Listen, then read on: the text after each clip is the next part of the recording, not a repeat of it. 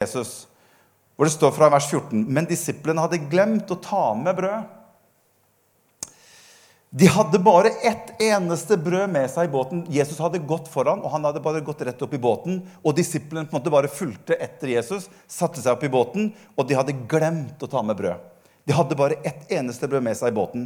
Jesus ga seg til å advare dem og sa, 'Pass dere, og hold dere unna fariseernes surdeig og surdeigen til Herodes.'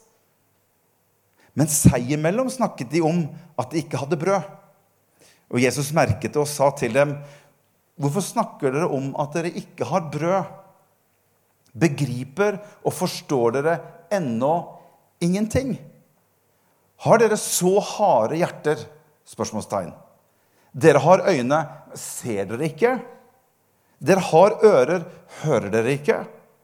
Husker dere ikke hvor mange kurver fulle med brødstykker dere samlet opp da jeg brøt de fem brødene for de 5000? Tolv, svarte de. Ja, og da jeg brøt de syv brødene for de 4000, hvor mange kurver fylte dere da med brødstykker? Syv, svarte de.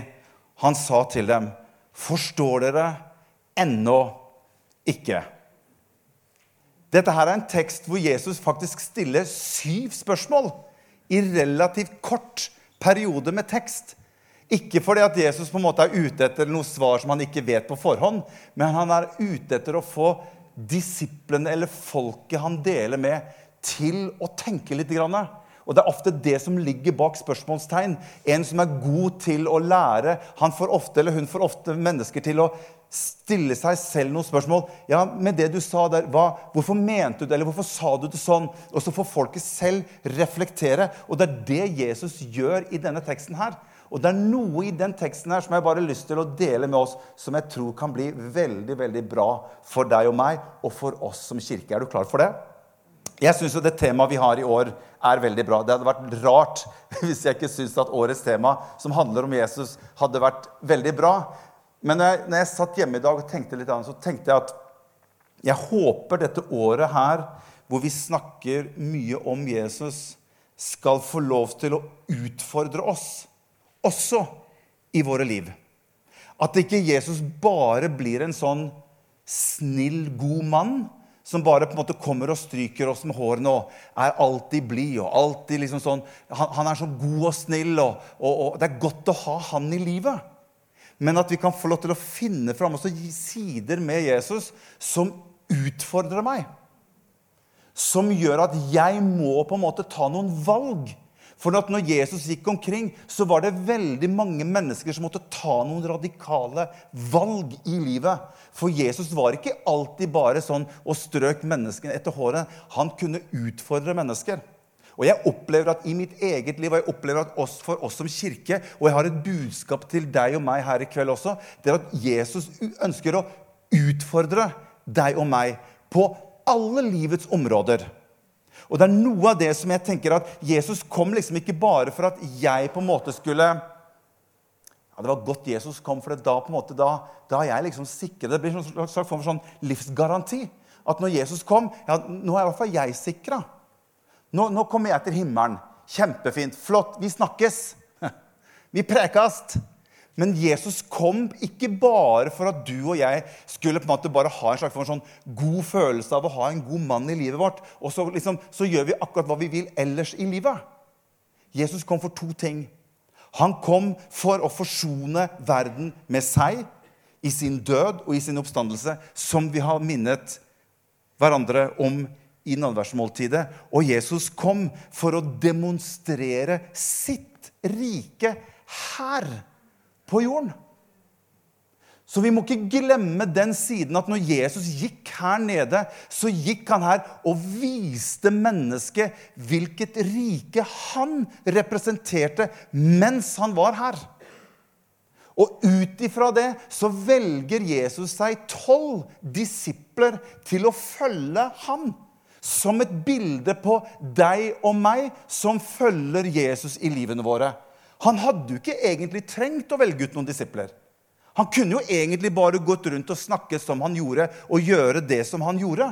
Men han velger seg ut tolv disipler som han radikalt forvandler livene til. Og sier han, 'Følg meg.' Og så legger han til noe. 'Og jeg skal gjøre dere til noe'.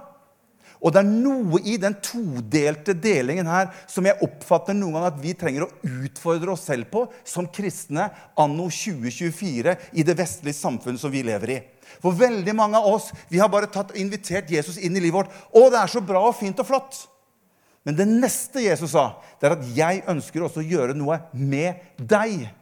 Jeg ønsker å utfordre deg, og det er noe av dette som er på en måte litt utfordring for oss og deg og meg som kristne. Fordi at vi tenker sånn at ja, jeg har invitert Jesus inn i mitt liv. Og nå er Jesus med meg. Men jeg, når jeg leser Skriften, så blir jeg mindre og mindre sikker på at det er det som er greia. Det er ikke det at du og jeg på en måte inviterer han med i ditt liv. Nei, han inviterer deg inn i sitt liv. Og det har noe med hvordan perspektiv vi har på livet vårt sammen med Jesus. For det er en stor forskjell. Og vi tenker jo på Det at, ja, men det står jo det at Jesus han står ved døren og banker og sier den som åpner opp, han vil jeg komme inn og Absolutt. Han frelser deg og meg, men han inviterer deg og meg gjennom sin frelse inn til et liv sammen med han. Og det er det han gjør med disiplene sine. Han tar med seg disiplene sine, og så demonstrerer han sitt rike i denne verden. Så disiplene de henger på han hver eneste dag i tre år. Og han utfordrer dem i forhold til å begynne å tenke hvordan det riket vi har her rundt oss, fungerer og det riket som Jesus demonstrerte mens han gikk rundt omkring. Og den derre kryss... Hva skal vi si? Skal vi kalle det for kryssilden? Altså den derre kryssgreia. Det er den du og jeg sliter med. For vi skal veksle mellom den verden vi lever i, og det riket som vi har blitt invitert inn i gjennom frelsen ved Jesus Kristus. Derfor så gikk Jesus rundt og sa at 'mitt rike er ikke ikke av denne verden. Det er noen andre lover, det er noen andre regler, det er noen andre tankesett som fungerer i mitt rike, som ikke fungerer på samme måte i det riket som dere er en del av. Og det er dette som Jesus har som en utfordring med disiplene, og han jobba hardt med den gjengen.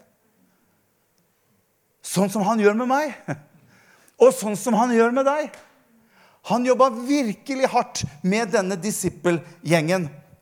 Og det er noe av dette her fordi han prøver hele tiden å få disiplene til å bytte ut noen måte å tenke på i hodet sitt. Derfor så snakker Jesus om dette med å bli, eller Bibelen snakker om dette med at vi må forvandle måten vi tenker på. Ja, hvorfor skal jeg gjøre det? Jo, fordi vi må få inn et tankesett som harmonerer med hvordan det rike tenker, i forhold til hvordan jeg tenker i dette riket som jeg er en del av. For han har kommet hit ned med sitt rike. Og det er noe av det vi skriver, og det er noe av det vi ber om i Fader vår. Komme din Det skjer din vilje på jorden som i Komme ditt rike. Ja, hva betyr det? Det betyr ikke bare at han bare intervenerer med sitt rike, og så står vi og ser på. Nei, vet du hvordan det skjer? Det skjer her og her gjennom våre liv. Du og jeg som disiplene, det er vi som blir utfordret på å være bærer av et annen måte å tenke på, en annen måte å være på, som harmonerer med det andre riket. Og det er dette som er så vanskelig. Det er dette som er så utrolig tungt og vanskelig for deg og meg. Men det er dette som er det å leve som en kristen. Derfor sier Jesus jeg ber ikke om at du skal ta dem ut av verden, men bevar dem og la dem få lov til å være representanter for mitt rike. Vi, vi representerer noe annet. Og det er noe av dette som dukker opp i denne teksten her, som jeg syns er så utrolig. Eh, som, som, gjør at jeg når jeg leser den teksten, her, så er det noe som jeg har lyst til, å dele med dere. Jeg har ikke preka på en uke, så jeg er litt sånn taletrengt. Så dere må bare bære litt over med meg. Men, men jeg har litt på hjertet i, eh, i, kveld. Jesus sier, 'Bli ikke dannet lik denne verden'. Ok? Så det fins en annen verden som han tenker at vi skal bli dannet lik. Blir, blir ikke det konsekvensen av det? Ikke sant? Så han, han representerer ett rike, inviterer oss inn i sitt rike for å være representanter for hans rike i denne verden. Og så sier han, ikke bli dannet lik denne verden, for denne verden tenker på en måte som ikke harmonerer med måten jeg tenker på i mitt rike.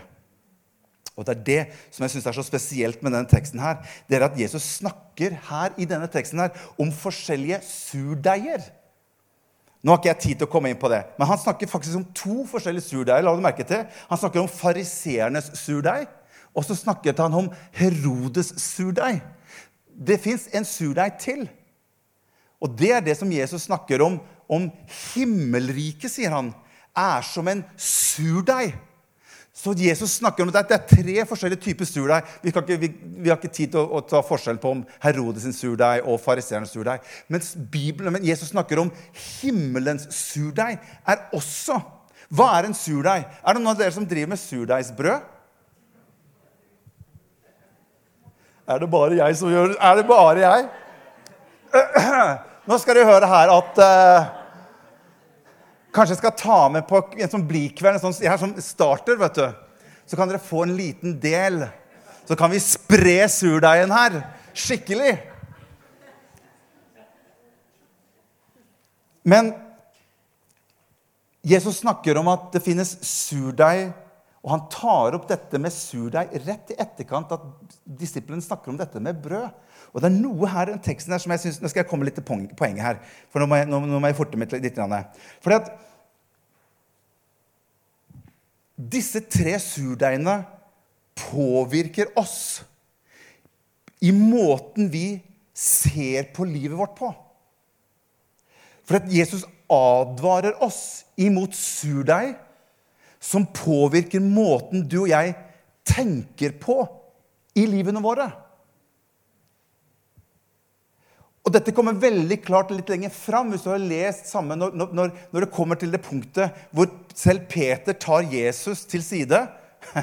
og, og det står om at Peter tok Jesus til side og irettesatte Jesus. Det er, det er frimodig, syns jeg. Gud, nå skal du høre her. Eh, det, det, her kan ikke skje. Så Peter, da tenker jeg, da er det et eller annet med tanken hans som har fått en eller annen liksom, greie inn av noe surdeig som gjør at han går så langt i måten han har blitt påvirket av denne surdeigen, at han faktisk tør å irettesette sin egen skaper, kongenes konge og herrenes herre, Gud selv.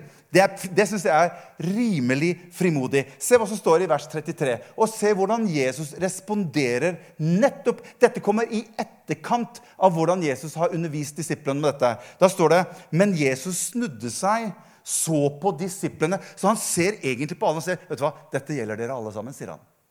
Så han ser på hele gjengen. Han så på disiplene og sa strengt til Peter. Og så sier han, 'Vik bak meg, Satan'. Og så sier han noe spesielt. sier han, 'For du har ikke tanke for det som Gud vil', men bare for det som mennesker vil'. Så han tar Peter i måten han tenker på, rett i etterkant av den teksten vi skal komme litt tilbake til, i forhold til hvordan du og jeg tenker som en disippel av Gud i den verden vi lever i. Og han er jo ganske radikal. Satan Det hadde jo blitt fornærma. Nå hadde jo Peter gått ganske tøft ut da, og irettesatt Jesus, så han får jo gjensvar på så det synger etter. Satan, vik bak meg. Jeg tror disiplene så Å, å. Du, vi må være litt forsiktige. Kanskje det var noe av det som Jesus meldte tilbake til disiplene. Og Det er det han sier i teksten her. Vær litt forsiktig med surdeig som kommer inn og påvirker hvordan du tenker. Og hør hvordan du tenker om hvordan mitt rike fungerer. For det er det som er nøkkelen i hele denne teksten her Jeg skal gå litt tilbake, for Det starter i vers 14 med at disiplene hadde glemt å ta med brød. De hadde bare ett eneste brød med seg i båten. Og hvis vi tenker litt bare på den teksten der, ja, hvem, hvem er det som er livets brød, da? Det er jo Jesus. Ja, De hadde bare med seg ett brød. Altså, De hadde med Jesus i båten, men de var, de var forvirra. De var frustrert. Vi har bare tatt med ett brød. Og hvis den tanken er at ja, men Jesus er jo det ene levende, sanne brød, så har du nok med deg. Du trenger ikke flere brød. Og det er noe av dette her som er selve poenget. Det er at vi trenger bare ett brød. Hvem er det vi trenger? Jo, vi trenger Jesus. Var han i båten? Ja. Så Jesus tar denne situasjonen her, og så prøver han å få disiplene til å tenke. Og jeg synes han, han stiller, jeg skal ikke gå gjennom alle spørsmålene, han stiller syv spørsmål. Som alle er for å få disiplene til å tenke. Tenke hvordan?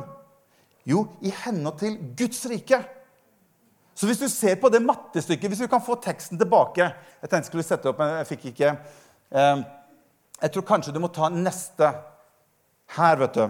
Så hvis du tar mattestykket som Jesus tar for her, Da tar han liksom disiplene med i mattetimen så sier han, OK, husker dere når vi hadde Ok, Dere sier at dere ikke har noe brød. Ok, Dere har ett brød. La oss ta mattestykket sammen med meg i mitt rike. sier. Husker dere når vi hadde fem brød, og vi mettet 5000? Hvor mange foruten kvinner og barn, hvor mange kurver hadde vi til overs da? Og de måtte svare. Hva var det de svarte tilbake? Tolv kurver. Ok, Nå må dere følge med. Nå begynner det å bli seint på søndag etter vinterferie. og alt sånt, men nå få med dette her. Så tar han det videre og sier han, ok, det, da hadde vi fem. Hvis vi øker det antallet som dere bekymrer dere for Altså mere er bedre menneskelig sett. Bli med meg, så sier Jesus. Ja, men hva med da når vi hadde syv brød, og vi mettet 4000? Hvor mange kurver fikk vi til overs da? syv kurver. Så vi gikk ned fra tolv til syv med flere brød i utgangspunktet. Og nå er dere bekymret over at dere bare har med ett brød. Hvis dere begynner å tenke litt hva som er nøkkelen i dette, her, så holder det med ett brød. For så lenge jeg er med, så har dere nok. Men de greier ikke å få hodene sine til å tenke i forhold til hvordan Guds rike fungerer i vår verden. Og det er det Jesus sliter med når det gjelder disiplene. Dere må begynne å tenke hvem dere har med dere, og hva jeg har invitert. For det som er umulig for mennesker, det er mulig for meg. Det er noe av dette dere, dere, også, dere, dere, må forandre sinnet deres. Dere må begynne å forandre måten dere tenker på, slik at det harmonerer med måten Guds rike opererer på. For hvis ikke vi gjør det, så kommer vi til å miste muligheten for at Gud kan være den han er, inn i din og min situasjon. Jeg syns dette her er salig. Amen. Og det er derfor han kommer liksom det er det som har kommet liksom til slutten. Der, og så sier han, 'Forstår dere ennå ikke?' Han er så konkret i forhold til hvordan vi tenker som hans folk. Og jeg syns det er så bra for De snakket sammen. De, og, og, hør meg, jeg skal gå mot slutten. De snakket sammen og vurderte og, og, og analyserte med sin sunn fornuft. Dere, vi har, vi har, bare ett brød, dere gutter. Vi, nå har vi bare ett brød. De snakket sammen. Ah, dette kommer ikke til å gå.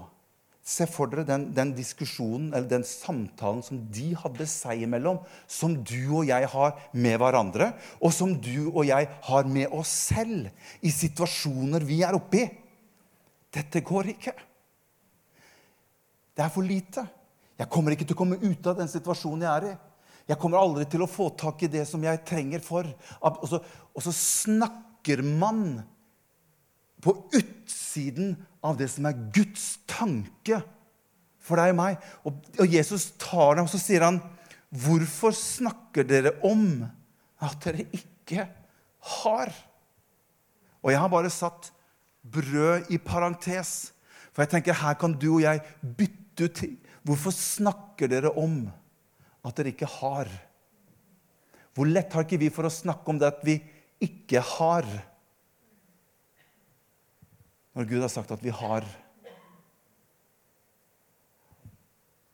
Jeg tror at du og jeg vi kan bytte ut det brød med andre ting som kanskje står i din situasjon. Ja, men, ja, men vi hadde bare ett brød. Ja, vi hadde fem brød når vi mettet 5000, og da hadde vi tolv kurver til overs. Med Gud. Så Jesus prøver å få disippelen til å si vet du at det fins et annet rike som dere har fått del av som også er like virkelig, og kanskje mer virkelig, enn det ditt og mitt rike er. Men du må fatte et annet sinn. Du og jeg må begynne å tenke mer i henhold til. Og la vårt sinn bli forvandlet og fornyet i henhold til. Og så står det Jeg har ikke tatt det med, men det står for Jesus så på dem og sa For mennesker er det umulig, men for Gud er alt mulig. Jeg tenker på, Jesus hadde ikke tatt opp dette om han ikke tenkte at det var mulig å resonnere annerledes. For hvis det var slik at du og jeg menneskelig sett bare kommer til den konklusjonen vi kommer til selv, så får Gud bare være Gud. Men vi, vi finner ut av sjøl hva som er status, og hva som er, hva som er, sannhet. Ikke noe annet er aktuelt. Da hadde ikke Jesus tatt opp denne diskusjonen. Men han prøver å si det går an å resonnere annerledes òg, dere, sier han. Det fins et rike som, som, fungerer på en litt annen måte enn hvordan dere tenker nå. Hvorfor tenker dere at dere ikke har? Og Det er det han er så sinna på når Peter prøver å irettesette han. Og sier han, 'Satan, vik bak meg, for du har kun det som er feil for menneskenes tanke.' Vi må begynne å tenke Guds tanker. Og hør, jeg vet at vi utfordres av ting i livene våre, men jeg vil alltid ha en, hva skal jeg si, jeg vil alltid ha en åpen dør. For at Gud kan få lov til å være Gud midt i min situasjon. Så ikke jeg resonnerer meg bort fra hans mulighet til å være det ene levende, sanne brød for deg og meg. Og så mens jeg sitter, og så plutselig så, så, så Om jeg sier det sjøl, og jeg bare fikk et hjerte med, så sier jeg Morten, Hvorfor sier du at dere ikke har en kirke?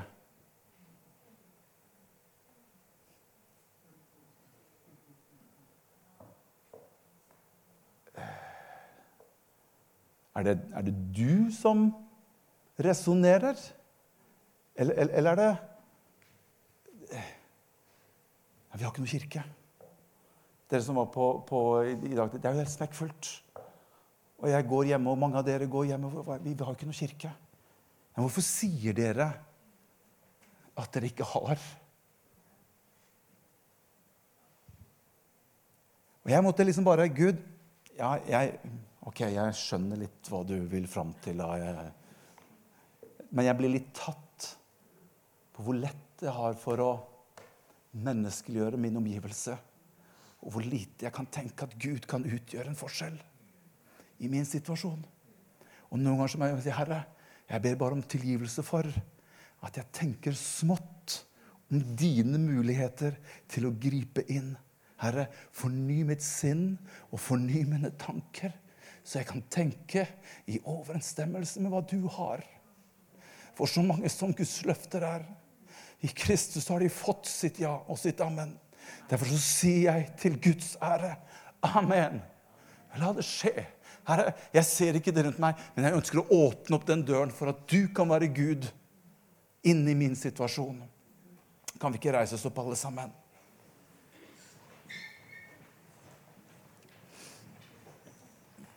Og jeg har lyst til at vi skal ta en liten stund i Guds nærhet. Og jeg vet at veldig mange av oss befinner oss i situasjoner som menneskelig sett, og som for din del og for min del er utfordrende og er vanskelig. Det kan være mange ting som har skjedd. Det kan være sykdom, det kan være sorg, det kan være ting som du ikke får til å gå opp. Det kan være ting som har skjedd som du ikke skjønner noen ting av, som er urettferdig osv. osv. Listene kan være så uendelig lang. Gud er her. At han ønsker å få lov til å åpne opp ditt sinn og dine tanker, slik at noe av hans tanker kan få lov til å komme inn også. Og befrukte din ånd og din tanke, slik at han kan få lov til å slippe til inn i ditt liv. Far, jeg takker deg for hver eneste en som er her. Du kjenner hver eneste en.